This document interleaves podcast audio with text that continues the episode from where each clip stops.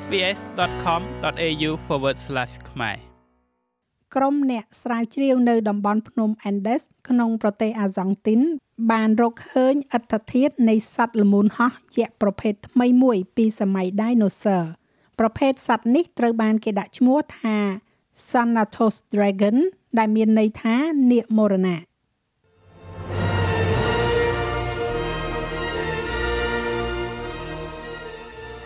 ភាពយន្ត Jurassic Park ដែលទទួលបាននូវជោគជ័យយ៉ាងខ្លាំងរបស់លោក Steven Spielberg ធ្វើឲ្យយើងទាំងអស់គ្នា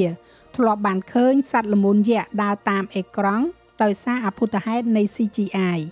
ប៉ុន្តែនៅពេលដែលក្រុមអ្នកស្រាវជ្រាវនៅប្រទេសអាសង់ទីនខាងលិច បានរកឃើញអត្តធាតុរបស់ Therosus ពីចុងបញ្ចប់នៃសម័យកាល Cretaceous កាលពី86លានឆ្នាំមុន ពួកគេបានដឹងថាពួកគេបានរកឃើញ ឆ្អឹងរបស់សត្វដ៏គួរឲ្យភ័យខ្លាចពិតប្រាកដមួយលោក Leonardo Otis David គឺជាអ្នកដឹកនាំគម្រោងនៃការស្រាវជ្រាវនេះលោកនិយាយថាពួកគេមិនចាំបាច់ពិនិត្យបកក្រោយដើម្បីស្វែងរកឈ្មោះត្រឹមត្រូវនោះទេ Estamos ante una nueva especie យើងនៅពីមុខពពួកសត្វ Therosus ថ្មីហេតុអ្វីវាដោយសារតែលក្ខណៈពិសេសជាច្រើនដែលយើងបានឃើញគឺថ្មី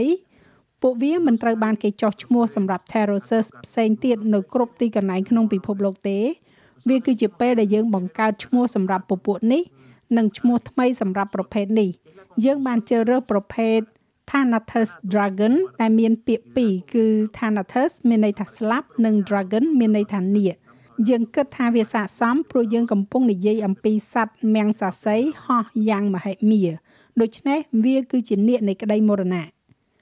យោងទៅតាមក្រុមអ្នកស្រាវជ្រាវ Thanasis Dragon គឺគួរឲ្យកត់សម្គាល់ចំពោះទំហំឆ្អឹងរបស់វា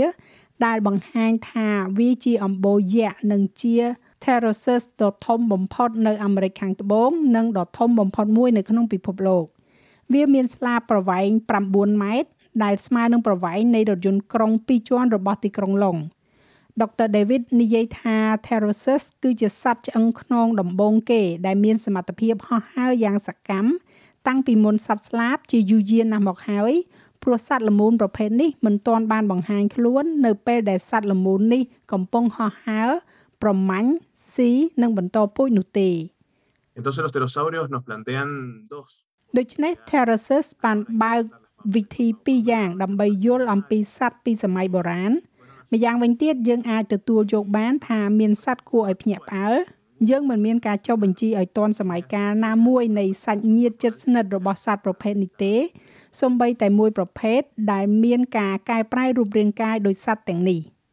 លោក Michael Habib គឺជាអ្នកស្រាវជ្រាវផ្នែកជីវមេកានិកនៅសាកលវិទ្យាល័យ Chatham ក្នុងទីក្រុង Pittsburgh ក្នុងសហរដ្ឋអាមេរិក។ លោកបានប្រាប់ NPR ថា Pterosaurus នឹងក្លាយជារឿងមិនគួរឲ្យជឿក្នុងការដែលឃើញវាហោះហើរ would have been a very bizarre animal to see វានឹងក្លាយជាសត្វដ៏ចម្លែកណាស់ឃើញហោះហើរនៅពីលើអ្នកប្រភេទនៃសត្វច្របល់គ្នានៃសត្វល្មូនបុរាណទំនើបបក្សីជីរ៉ាហ្វនិងប្រចៀវជាទូទៅសត្វទាំងអស់ត្រូវបានច្របាច់បញ្ចូលគ្នានៅក្នុងសត្វតែមួយគត់ លោក Michael Habib និយាយថាតាមការវិភាគកាយវិភាគសាស្ត្រនៃ fossil pterosaurs ផ្សេងទៀតលោកថាឆ្អឹងប្រហោងក្នុងរបស់ពួកវា សាច់ដុំស្លាបដ៏រឹងមាំនិងយន្តការបាញ់បង្ហោះដ៏មានអានុភាពសុទ្ធតែចង្អុលទៅរកសត្វមួយដែលត្រូវបានបង្កើតឡើងដើម្បីហោះហើរហើយការស្រាវជ្រាវរបស់លោកនាំឲ្យលោកជឿថាពួកវាអាចហោះហើរបានក្នុងល្បឿនដល់ទៅ125គីឡូម៉ែត្រក្នុង1ម៉ោង ហើយហោះបានក្នុងរយៈពេល7ទៅ10ថ្ងៃដោយគ្មានសម្រាកនៅកម្ពស់15000 feet I think we can conclude quite confidently that they had the ability ប៉ុន្តែខ្ញុំគិតថាយើងអាចសន្និដ្ឋានបានដោយទំនុកចិត្តថាពួកវាមានសមត្ថភាពមិនថាពួកវាបានធ្វើឬក៏អត់នោះទេ តែពួកវាមានសមត្ថភាពហើរទៅបានឆ្ងាយ នោះមិនមែនមានន័យថាវាចាំបាច់ថាពួកវាបានធ្វើនោះទេ ហើយវាក៏មិនមែនមានន័យពីតួលេខជាក់លាក់មួយដែរវាគ្រាន់តែថាវាអាចធ្វើដំណើរបានឆ្ងាយល្មមដែលអាចនិយាយបានថាអាចឆ្លងមហាសមុទ្រមួយបានលោក Bernardo Gonzalez Riga សហអ្នកនិពន្ធនៃការស្រាវជ្រាវទៅលើ fossil Argentinis និយាយថា ឆ្អឹង fossil Sanato Dragon នេះត្រូវបានគេរកឃើញនៅក្នុងការប្រមាលដែលកំណត់ទុកជាមុននៅការបង្កើតជួរភ្នំ Andes នេះខ្លួនឯងទៅទៀត។ Los ejemplares de Thanatos dracon fueron encontrados សំណាក់ Sanato Dragon នេះត្រូវបានគេរកឃើញនៅក្នុងថ្ម sedimentary សម័យ Cretaceous ហើយនិយាយម្យ៉ាងទៀតពួកវាមកពីសម័យ Mesozoic ដែលវត្ថុធាតុដើមត្រូវបានរក្សាទុកក្នុងថ្ម City Aguilai ផ្សំឡើងពីសារធាតុរ៉ែដីឥដ្ឋពួកវាប្រហែលជាត្រូវបានបង្កើតឡើងនៅក្នុងផ្ទៃរាបដែលជន់លិចដោយប្រព័ន្ធទន្លេ នៅជិតផ្លូវទន្លេនាសម័យនោះយើងកំពុងនិយាយអំពីសម័យកាល86លានឆ្នាំមុន នៅពេលដែលជួរភ្នំ Andes មិនទាន់កើតឡើងនៅឡើយ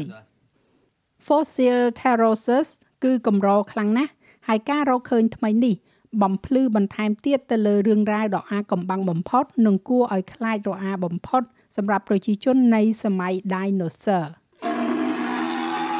ចាស់ហើយរបាយការណ៍នេះចងក្រងឡើងដោយ Ellen Lee សម្រាប់ SBS News ហើយប្រាយសម្រួលសម្រាប់ការផ្សាយរបស់ SBS ខ្មែរដោយនាងខ្ញុំហៃសុផារ៉ានីចូលចិត្តអ្វីដែលអ្នកស្ដាប់នេះទេ Subscribe SBS ខ្មែរនៅលើ Podcast Player ដែលលោកអ្នកចូលចិត្ត